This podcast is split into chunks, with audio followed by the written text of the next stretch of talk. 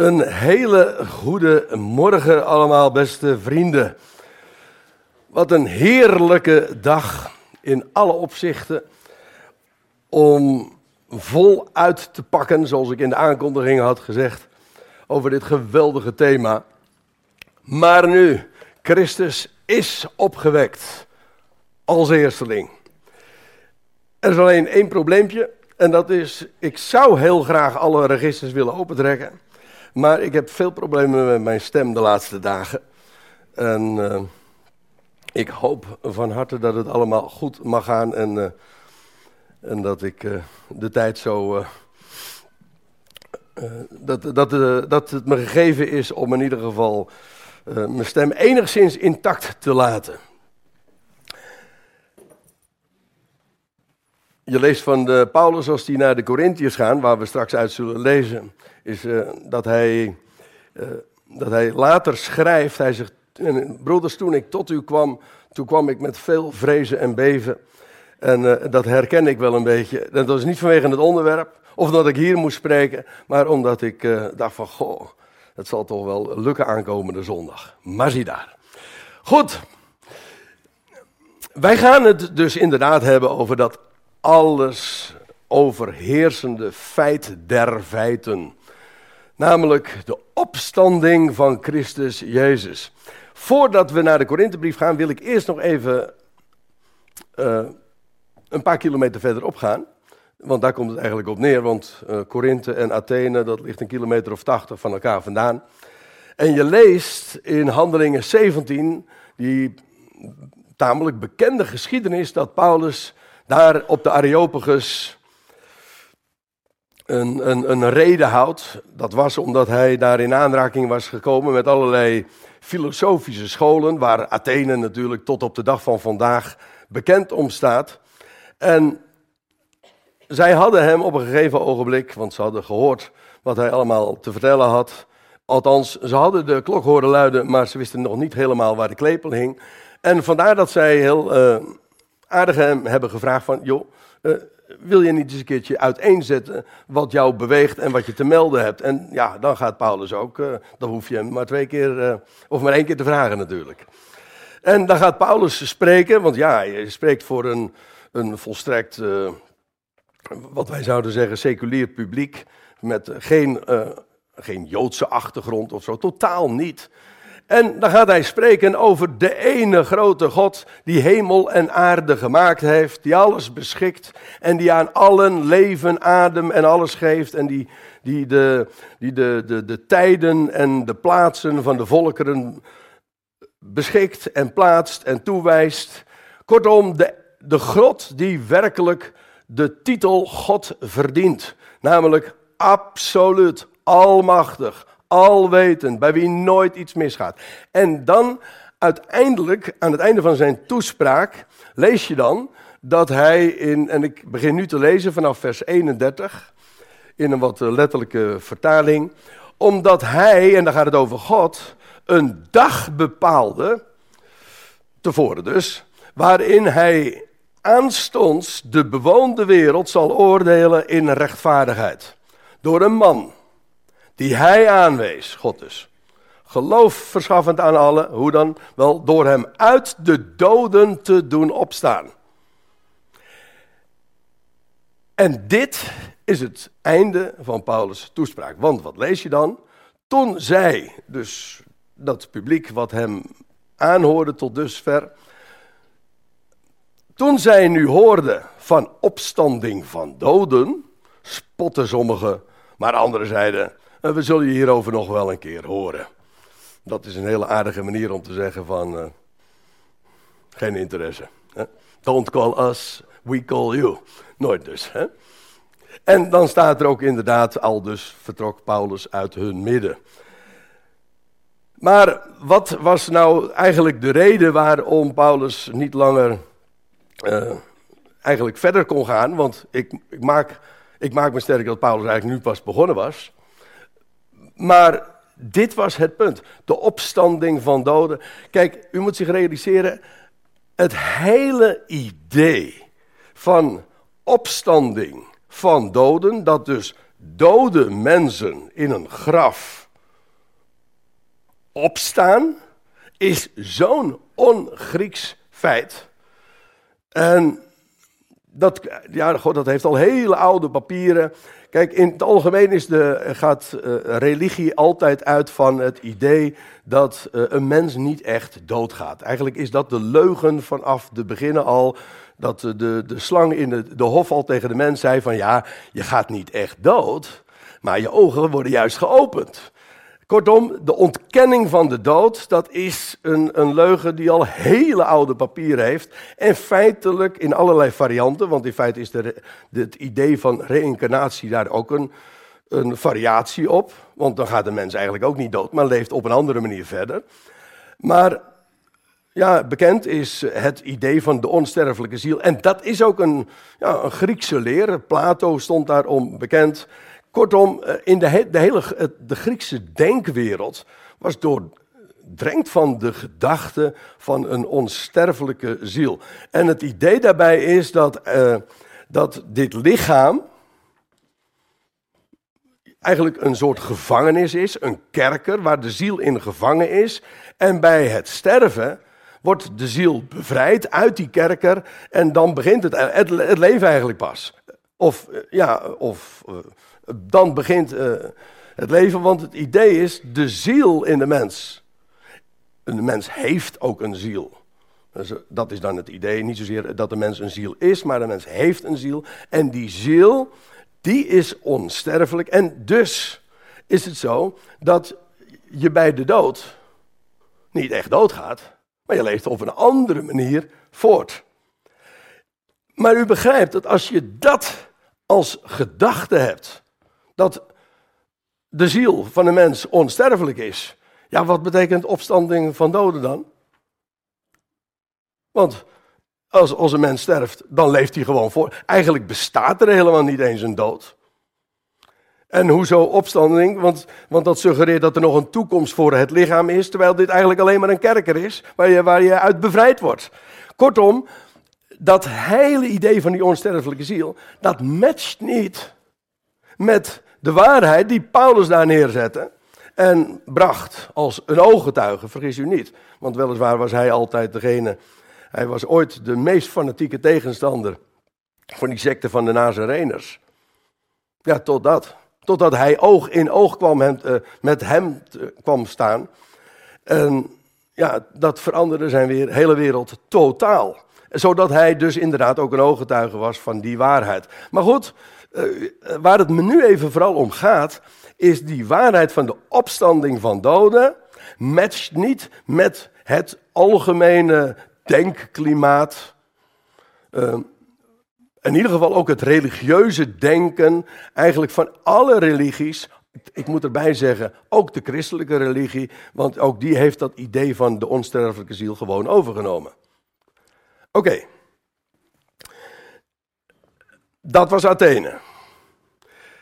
Nu gaan we naar de Korinthebrief. Paulus heeft die brief ergens geschreven, als je dat in het boek Handelingen wil plotten, ergens in Handelingen 19. En vanuit Efeze. En dan lees je dit. En ik, ja, ik begin eigenlijk te lezen daar waar zojuist uh, door Ed ook is, vanuit is voorgelezen. En we, we kijken nog eens wat, wat ja, wat, we zoomen in op de, de tekst zoals Paulus dat genoteerd heeft. Maar indien van Christus geherouwd wordt dat hij uit de doden is opgewekt, geherouwd, dat wil zeggen als ja, uitgebazuind, als een, als een historisch feit is bekendgemaakt. Dat is wat Paulus feitelijk deed. Hij bracht niet een morele boodschap, hij bracht als ooggetuige een feit, een gedocumenteerd feit. En ik moet erbij zeggen, ook een voorzegd feit.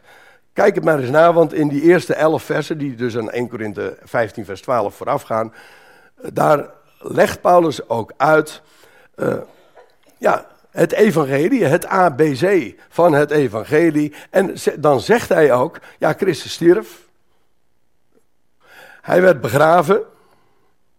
En, dan staat er iedere keer bij, naar de schriften, dat wil zeggen in overeenstemming met wat, wat was voorzegd. Het was namelijk niet alleen voorzegd dat het zou gebeuren, maar ook hoe het zou gebeuren. En waar het zou gebeuren. En wanneer het zou gebeuren. Kortom, het voldeed volledig aan de, aan, aan de profetie, aan de voorzegging. Ja, en nu was dat inmiddels vervuld. En Paulus was een van de uh, getuigen daarvan. Nou ja, hij was dan de man die onder de natie dit mocht gaan bekendmaken. En ja, het, was, het werd geherouwd als een historisch feit. Het, het graf was leeg. De aardigheid is trouwens dat dat onomstreden. Oh, heb je het weer.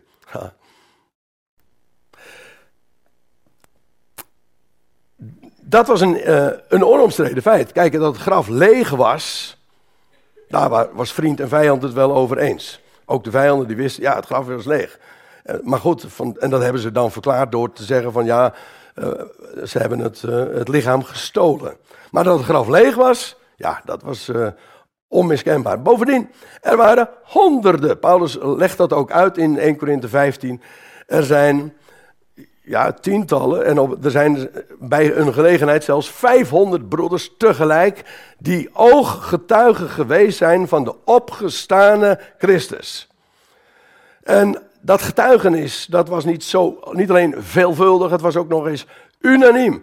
Iedereen die daarbij was, die kon dat bevestigen. En Paulus zegt dat ook in, dat is heel apart als je dat dan leest in 1 Corinthië 15. Hij zegt het merendeel, in zijn dagen dus, uh, uh, is nog in leven. Hij zegt dus, uh, met andere woorden, vraag het ze maar na.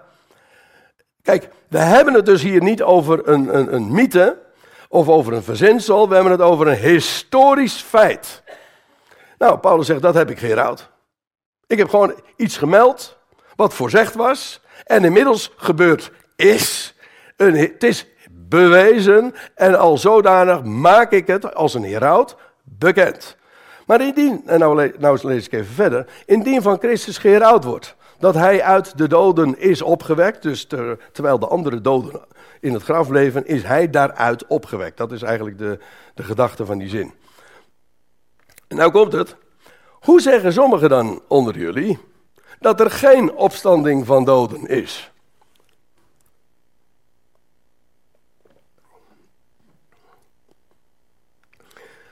Kijk, dit, en, en dat vind ik dan toch wel weer erg mooi, want uh, het is natuurlijk een hele vreemde opvatting die daar in Korinthe rondzong. Maar uh, dank God dat het, dat dat het geval was. Want dit is de aanleiding voor de apostel Paulus om, deze, om dit geweldige hoofdstuk, eigenlijk dat slotakkoord van de Korinthebrief, absolute hoogtepunt. Het eindpunt, maar ook het hoogtepunt van de brief. En ja, waarom? Omdat deze opvatting daar uh, werd, uh, werd beweerd. Hè. Hoe sommigen, dus hoeveel maakt doet niet de zaken, maar er waren er onder hen, onder de Corinthiërs, die zeiden er is geen opstanding van doden. Nou moet je even goed lezen wat er staat en wat er niet staat. Want zij, wat zij dus niet ontkenden, was dat er leven zou zijn na de dood. Ze zeiden ook niet, uh, die Jezus, uh, die, waarvan Paulus zegt dat hij leeft, die leeft niet. Dat zeiden ze niet. Nee, ze ontkenden opstanding van doden. Dat is wat anders. Ja, waarom? Omdat die leer waar ik het zojuist over had, dat, Griek, dat, dat die Griekse opvatting, de, de ziel is onsterfelijk. Dus ja, als de ziel onsterfelijk is, Waarom zou er dan opstanding van doden zijn? En dat is een hele venijnige opvatting, want die hele leer van de onsterfelijke ziel is killing voor de waarheid van de opstanding. Want in de eerste plaats, het is een ontkenning van de dood. Want in feite, een mens sterft niet, maar leeft op een andere manier voort. Maar als je dan zegt, Jezus stierf, ja, dan is dat tussen aanhalingstekens. Trouwens ook eh, officieel nog steeds de leer van Jezus stierf, maar hij ging naar het paradijs. Of, nou ja, er zijn ook verschillende opvattingen over. Maar hij leeft eigenlijk gewoon voort. Ja, maar dan stierf hij dus niet. Hooguit zou je kunnen zeggen, zijn lichaam werd in uh, zijn stoffelijke omhulsel, of hoe zeggen ze dat? Het, lichaam, het stoffelijk overschot. Ja, dat is trouwens ook een hele, eigenlijk een Griekse gedachte, alsof dit stoffelijk overschot is. Nee, niks ervan. Dit lichaam waar God een geweldig plan mee heeft, namelijk de, de verlossing van het lichaam. Moet je, moet je trouwens ook goed begrijpen. De verlossing van het lichaam betekent niet dat we van dat lichaam verlost wordt, worden, maar dat het lichaam verlost wordt. Dat is een doordenkertje, maar dat is een heel groot verschil. Maar in ieder geval, ehm, die, die, dat idee van de onsterfelijke ziel, ja, dat is, ehm, dat ontkent de dood. En het is ook een ontkenning van de noodzaak van opstanding. Want ja, als je door sterven al onsterfelijkheid verkrijgt, waarom zou er dan nog opstanding moeten zijn? Het valt mij ook heel vaak op dat mensen, vele christenen, die, uh, die, hebben, het eigenlijk, oh, die hebben het eigenlijk nooit zozeer over, over opstanding, of over de geweldige waarheid dat, uh, dat er een moment komt dat ons lichaam zal worden opgewekt. Nee, het idee is van, uh, ze zijn gestorven en ze juichen er voor de Heer. En, uh, maar gaan ze dan ook nog opstaan? Ja, oh, ja, ja, dat is ook zo. Dat komt ook nog. Ze gaan ze nog een keertje terug, zeker of zo. Maar het is gewoon suiker op de honing dan. Het, is, het, het gaat er nergens meer over. Het is de noodzaak van opstanding verdwijnt op het moment dat je de dood in essentie ontkent. Ja, dus uh, wat ik er eigenlijk mee bedoel te zeggen is dat het hele idee van een onsterfelijke ziel, als een, als, dat, zijn, dat is een, mijn, een, uh, een landmijn, dat, dat, dat de tegenstander neergelegd heeft om mensen maar niet bereikbaar, niet te kunnen bereiken met de waarheid van het evangelie, dat Christus stierf. Niet bewijzen van spreken, hij stierf. Niet zijn lichaam werd afgelegd of zo. Nee, en hij werd begraven in een graf. Niet alleen maar zijn lichaam werd begraven, Christus werd begraven. Hij was in het graf drie dagen lang dood. En als God hem niet had opgewekt, was hij nog dood geweest. Ziet u hoe haaks dit staat op die, dat het idee van een onsterfelijke ziel? Maar ook waarom die Atheners destijds hun schouders ophaalden en toen Paulus over de opstanding van doden begon, dat konden ze niet, ja, dat, kon, dat konden ze niet matchen met, de, met hun eigen gangbare uh, ideeën. En daar gaat Paulus tegenin. Paulus benadrukt de waarheid dat Christus echt stierf, echt werd begraven en echt op de derde dag werd opgewekt. Ik moet er trouwens bij zeggen, ik noem hier ik, ik heb hier, uh, nou ik heb trouwens twee landmijnen neergelegd. Uh, er is er nog eentje, want die is ook killing. Stel je voor dat je het idee dat Jezus God is, het hele leer van de drie eenheid. Als Jezus God was, hoe kon hij dan sterven? En trouwens, moest hij dan door God worden opgewekt? Hoe kan ik van harte geloven dat God hem uit de doden heeft opgewekt, als ik geloof dat hij God was en die eigenlijk niet eens echt gestorven is, en bovendien zelf kon opstaan? Dan kan ik nooit van harte geloven dat God hem uit de doden heeft opgewekt. Ziet u hoe killing dit is?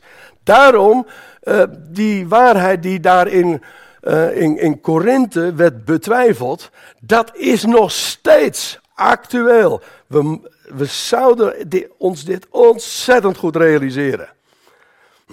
Oké, we gaan verder. 1 Korinthe 15, vers 13. Mijn stem uh, duwt het nog steeds, dus we gaan verder. Is dat het teken trouwens dat ik ermee moet stoppen?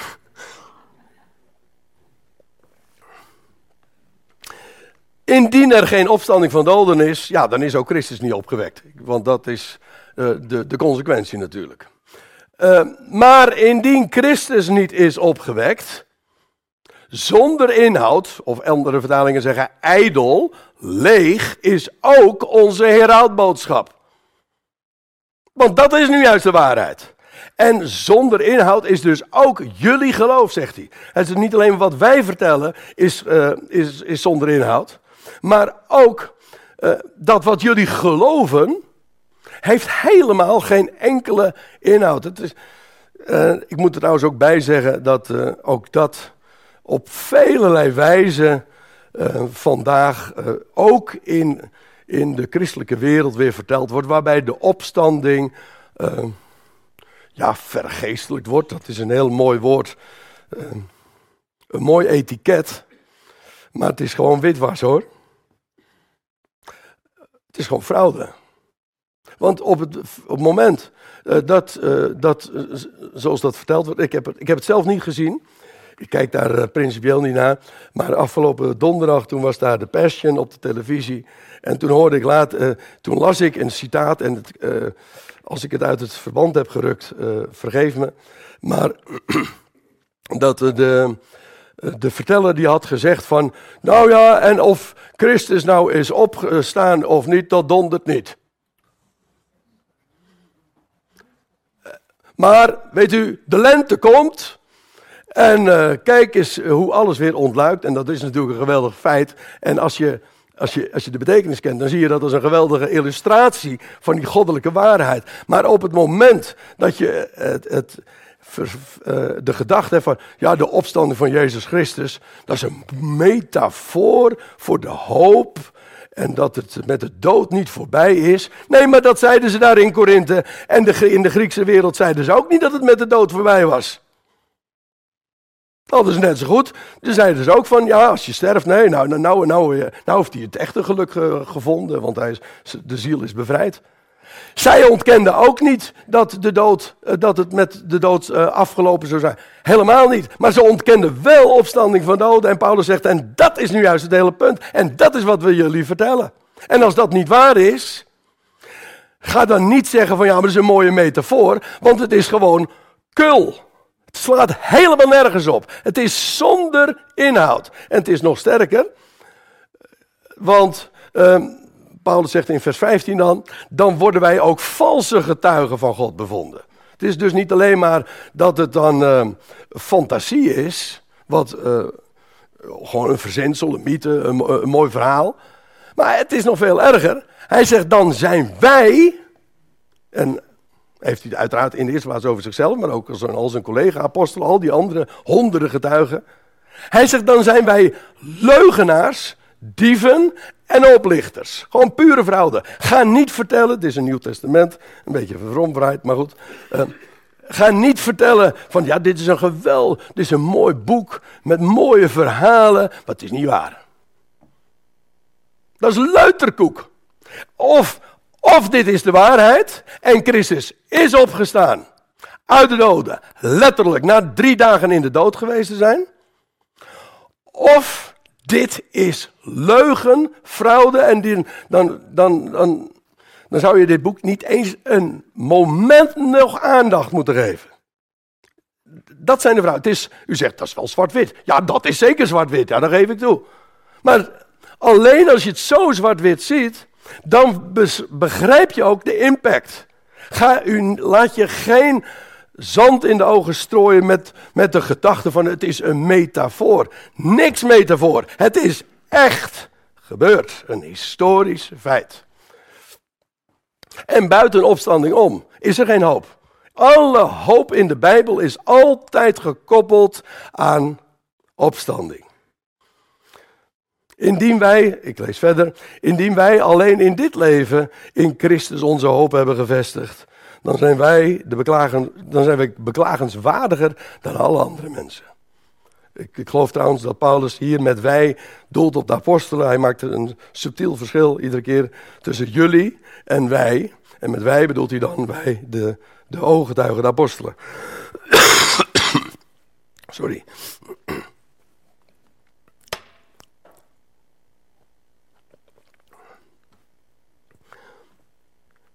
Ja, en dat is trouwens ook niet voor niks, want u moet, u moet zich realiseren. Paulus was een ooggetuige. En dat geldt voor al die andere mensen die, uh, die ook daarvan hebben gesproken. En wat kregen ze ervoor uh, als beloning? Nou, je zou een paar hoofdstukken terug moeten bladeren dat Paulus dat allemaal beschrijft. Hij zegt dat dan ook een beetje cynisch tegen de Corinthiërs. Ja, jullie hebben het helemaal gemaakt in de wereld. Jullie hebben het ja, politieke invloed en uh, weet ik veel wat allemaal. Jullie, jullie willen graag gezien worden in de wereld. Hij zegt wij niet. Wij, zijn, wij apostelen, wij zijn als het, als het uitvaagsel van de wereld. Hij zegt, uh, we, altijd, we, we, zijn altijd maar op reis en we worden miskend en gemarteld en weet ik veel. Alleen maar miskenning. Het kostte hen alles. En Paulus dat maakt niet uit. Ja, dat klinkt wat heel erg laatdunkend zoals ik het nu zeg. Dat maakt niet uit, het is echt zo. Want als het waar is wat wij vertellen, nou ja, dan is daar zo'n geweldige hoop. Dan vergoedt dat alles. Maar Paulus zegt, als we alleen maar voor dit leven onze hoop hebben gevestigd. Ja, dan zijn wij beklagenswaardiger, want dan is dat gewoon dus een kulverhaal. Dat, is, dat, is, dat gaat dan nergens op. Dan zijn wij dus inderdaad beklagenswaardig. Dan wie ook van de mensheid. Maar Paulus maakte zich geen zorgen erover, want hij wist wat de waarheid was. Ja, dat is het verschil.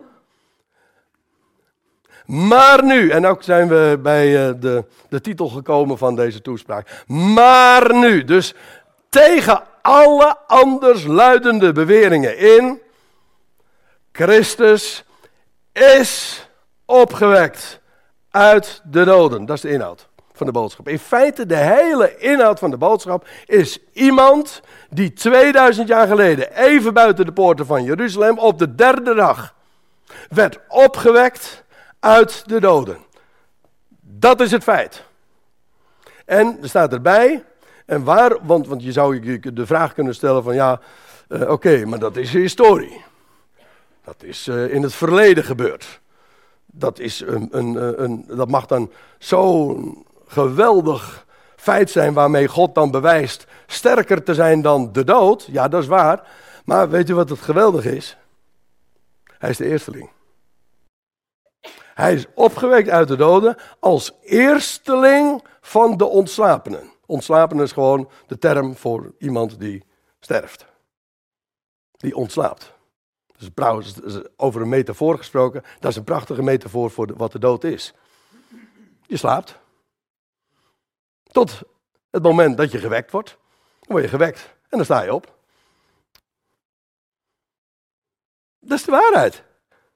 Maar Paulus zegt, hij is opgewekt uit de doden als eersteling. En dat betekent dus dat hij ja, de eerste is en de rest volgt. Ik moet er trouwens even, even ter toelichting bij zeggen: Christus is inderdaad niet de eerste die opstond uit de doden. Er zijn voorbeelden in de Bijbel van mensen die ook opstonden uit de doden. In de Evangelie, maar ook in het Oude Testament. Oké, het zijn er niet zo heel veel, maar het gebeurde dan toch maar. En toch is Christus de eersteling. Waarom? Omdat hij de eerste is die eens voor altijd opstond uit de doden.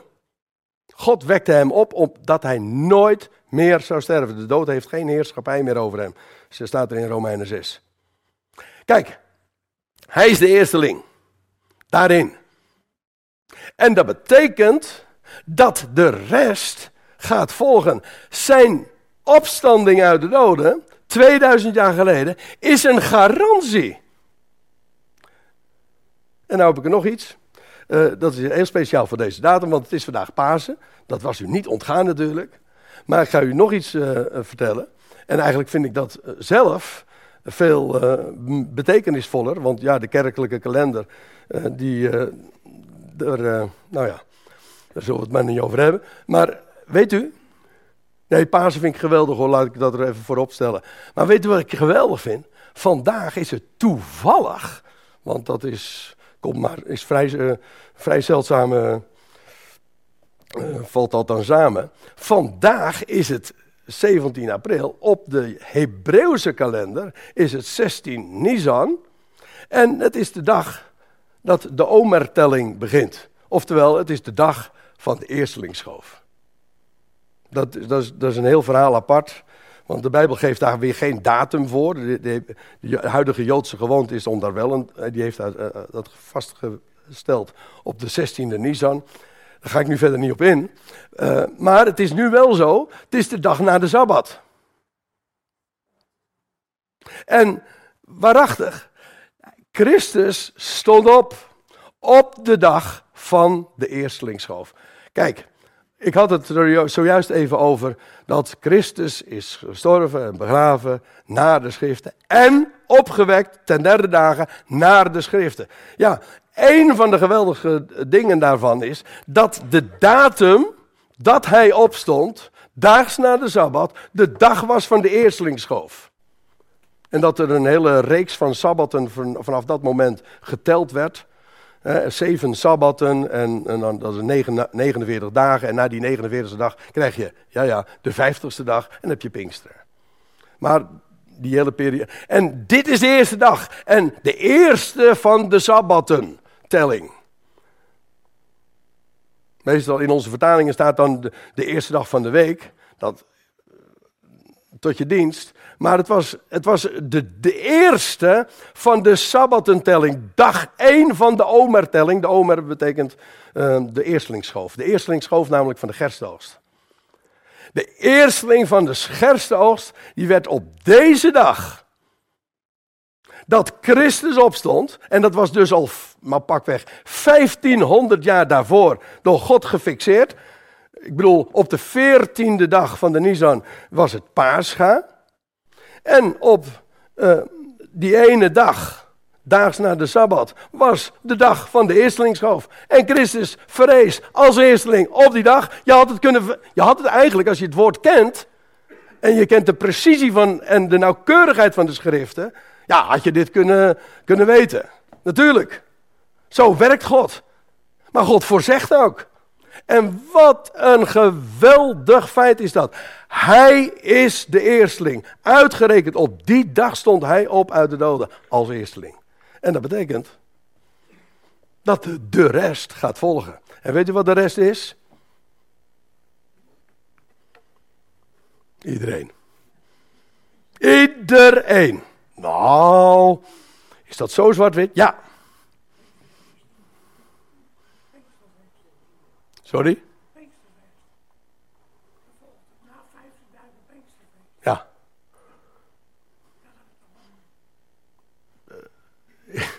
Ik, ik, ik hoor niet eh, goed eh, wat je zegt. Zullen we het er zo meteen even over hebben? Want uh, om nou een conversatie te gaan starten, uh, lijkt me ook niet zo heel erg handig. Als het ook niet iedereen het uh, hoort. Uh, maar even dit. Christus werd opgewekt. Ja, als eersteling. En nou staat er in vers 22, ja, dit is natuurlijk zo'n kolossaal vers. Omdat, waarom? Omdat hier gesproken wordt over de impact en de betekenis van die waarheid, van dat historische feit. Want evenals in Adam allen sterven, en dat wordt als een, ja, eh, een bekend gegeven neergezet. We zijn allemaal afstammelingen van Adam. Ga een paar duizend jaar terug en je komt bij Adam uit. En al zijn navol navolgelingen, na zijn, zijn nakomelingen.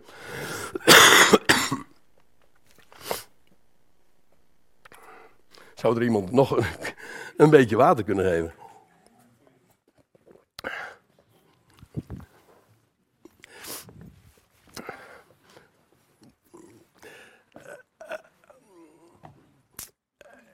Allen sterven in Adam. Alle mensen zijn stervelingen. Ja. Dat is een bekend gegeven, dat hoef ik niet uit te leggen. Dat is, dat is een ervaringsfeit. Nou, zegt Paulus. Aangezien dat een gegeven is, zo, op dezelfde wijze, zo zullen ook in Christus, de eersteling, allen levend gemaakt worden. Overigens, alle mensen sterven ook niet tegelijk. Hm, dat is ook uh, ieder in zijn eigen rangorde. Maar niettemin, het feit staat. Oh, je komt meteen met twee, twee glazen. Oh, nou heb, ik, nou heb ik nog drie kwartier. Dankjewel. nou, het wordt er niet beter op, dus ik, ik, ik denk dat ik uh, maar moet gaan afsluiten. Maar dit wil, hier wil ik nog even, hier moet ik nog wat over zeggen, natuurlijk. Want, kijk, waarom is de waarheid van de opstanding van Christus nou zo'n kolossaal geweldig gegeven? En inderdaad, dan zeg ik het, uh, die man van de Persina, het maakt niet uit of je het gelooft, inderdaad. Daar geef ik hem na. Want ook als je het niet gelooft, blijft het waar. Hij stond op uit de doden en hij is de eersteling. En heel het mensdom, zo waar als het is dat jij en ik hier zitten als stervelingen. Er is geen mens die dat zal ontkennen. We zijn allemaal stervelingen. Zo waar is het ook dat hij en wij, dat hij, ik bedoel God, alle mensen gaat leven maken. Hoe? Wel, in Christus. In hem is daar de garantie gegeven, want hij is de eersteling. Zoals Adam een eersteling was als het ging om de dood, zo is hij de eersteling als het gaat om het leven. Met allemaal hoofdletters. Dat de dood achter zich heeft en heeft overwonnen. Zo zullen ook in Christus alle worden levend gemaakt. Kijk, dat is een feit dat we vertellen aan iedereen die het maar horen wil. Dit is zo'n geweldig goede tijding. Echt een goed bericht. En inderdaad, er zijn maar weinig mensen die het werkelijk horen. Ik, en ik weet, God, God opent ogen en oren en harten. Maar dit is het feit. Dit vertellen we. Dit is een mededeling. Dit is een bericht. Een goed bericht. het meest blijde nieuws wat je maar kan bedenken. En eh, weet u, het, het, het nieuws is zo geweldig. Het blijft zo geweldig nieuws. Ook als iemand zegt van nou, mij niet gezien. Of ik geloof er geen barst van. Ja, daarom vertel je het niet natuurlijk. Je vertelt het op dat de ander het zou geloven. Maar goed, dat, dat, dat, dat is geen mensenwerk. Dat is trouwens maar goed ook. Dus, eh, ach, wat kan een mens nou wel, joh? Uiteindelijk helemaal niks. Nou ja, we kunnen dit horen.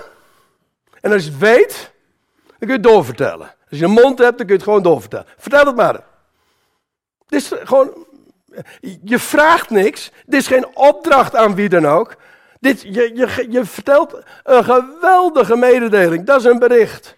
Nou, en het geweldige bericht is: in Christus zullen alle worden levend gemaakt. Ja, waarom? Nou, hij is de eersteling. Er staat namelijk nog bij: ieder echter in de eigen rangorde. Met andere woorden, niet allemaal tegelijk. Uh, Paulus laat hier ook zien dat er drie rangorden zijn. De, als eersteling Christus. 2000 jaar geleden. Hij is de eerste en de garantie. En vervolgens degene die van Christus zijn in zijn parousia, als hij straks al, uh, zijn afwezigheid uh, zal afsluiten met zijn aanwezigheid. En uh, acte de présence zal gaan geven, wat trouwens een hele periode is als u het mij vraagt. En dan ook in volgorde zullen er dan nog opstandingen plaatsvinden, de wegrukking, et cetera. Het gaat me nu niet om de details en hoe en wanneer enzovoort. Het gaat om het, om het feit zelf dat er rangorde zijn. Christus de eersteling, 2000 jaar geleden, straks, binnenkort. Want de twee dagen van duizend jaar zijn bijna voorbij, dus de termijn uh, loopt, uh, is hard bezig te verstrijken. Dat ik het, laten we het daarop houden. Nou, en in zijn parousia krijg je de volgende reeks, de volgende rangorde. Is het een voorrecht als je daar maar bij mag horen? Ik dacht het wel. Een geweldig voorrecht. Maar daar blijft het niet bij, want Paulus zegt dan, uh, daarna het einde. Van wat? Nou, hij had het over rangorden in opstandingen, of nee, van levendmakingen. En ja, het einde van de levendmakingen. Want ja, kijk, als Christus de eersteling is levend gemaakt. Vervolgens, dat is nog toekomst, in zijn parousia die van Christus zijn. Dat is de volgende rangorde. Dan blijft er nog één grote groep over, namelijk die niet van Christus zijn, die hem niet kennen of erkennen. Nou, die, en die volgt ook. Want allen die in Adam sterven, zullen in Christus worden levend gemaakt. Dus het einde, ja, dat is die laatste levendmaking. En wanneer is dat nou? Wanneer hij het koninkrijk zal overdragen aan God de Vader. Als namelijk alles compleet is. Je leest ook later, ik, uh, ik heb nu weer geen diaatje er meer van. Want ik, ik uh, voelde bij het maken al dat mijn stem weg zou vallen. Nee hoor. Maar uh, dat, er staat in vers 26, weet u die laatste levendmaking? Dat is als de laatste vijand die hij teniet doet, hij moet heersen, totdat hij al zijn vijanden gesteld zal hebben tot de voetbank voor zijn voeten. En de laatste vijand die hij teniet doet, dat is de dood. En weet u wat er gebeurt? En dat is zo geweldig. Zo simpel, een klein kind kan dit begrijpen. Als hij de dood teniet doet, weet u wat dat betekent? Dan is er geen dood meer. Weet u wat dat betekent? Dan leven alle. Dat is geen hogere wiskunde, toch? Als hij alle mensen levend gemaakt heeft. Allemaal. Tot de laatste rangorde aan toe.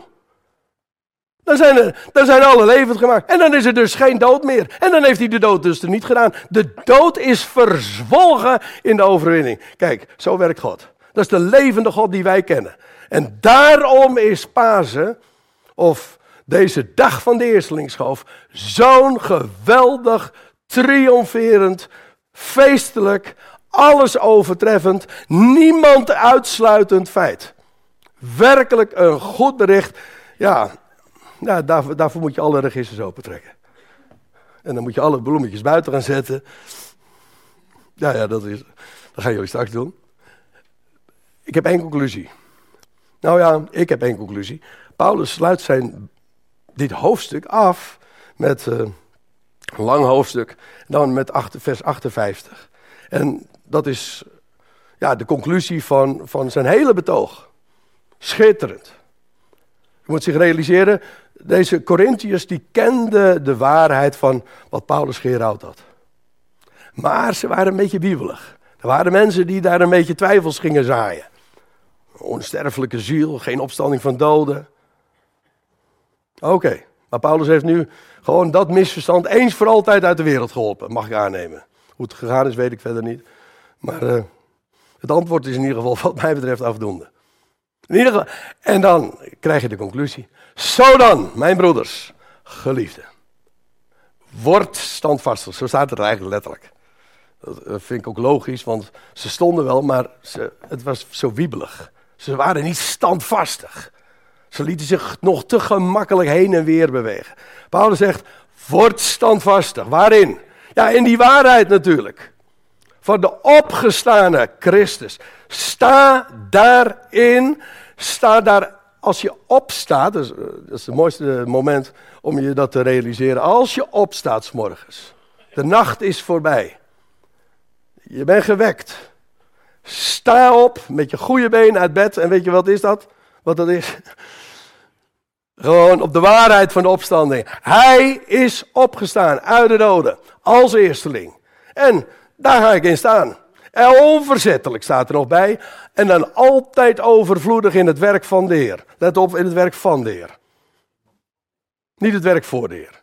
Een heleboel mensen denken dat je de hele tijd, dan als, als christen, dan moet je gaan jakkeren en dan moet je dit doen en dan moet je dat doen. Ik zal u dit vertellen, alles is gedaan. En dat is de geweldige waarheid. En weet u wat het geweldige is? Als we staan, onverzettelijk in die waarheid, dan gaat Hij overvloedig zijn werk in en door ons doen.